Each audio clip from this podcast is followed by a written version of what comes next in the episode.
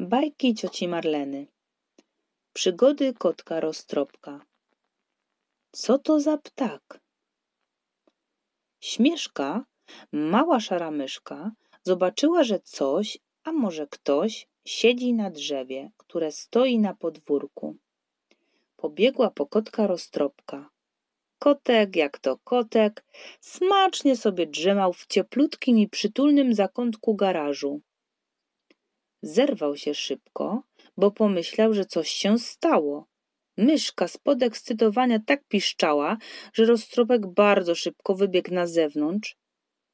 Cichutko podeszli i stanęli pod drzewem. Nieznany ptak twardo spał. Kotek roztropek pobiegł po kotka mruczka i razem z nim przyglądali się pierzastemu stworzeniu.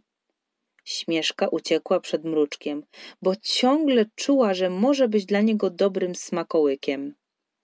Aż tu nagle coś w gałęziach poruszyło się. Chwilkę tak stali, zanim odważyli się odezwać jako pierwsi.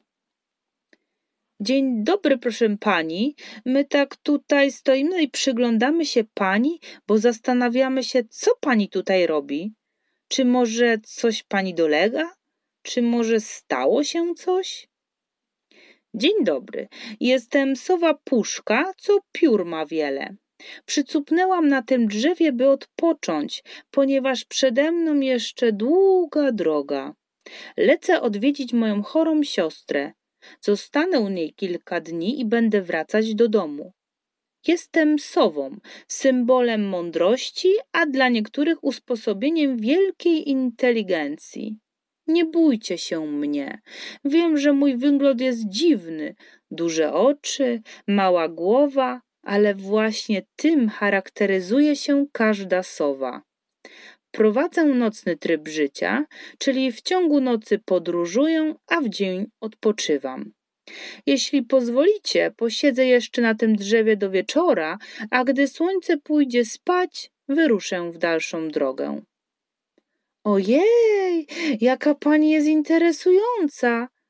Dobrze, proszę sobie odpocząć, a w drodze powrotnej proszę nas jeszcze odwiedzić. Chętnie nauczymy się czegoś nowego od pani.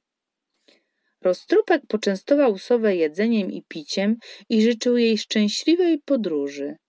To był kolejny ciekawy dzień dla kotka. Razem z myszką pomachali sobie na dobranoc, późnym już wieczorem.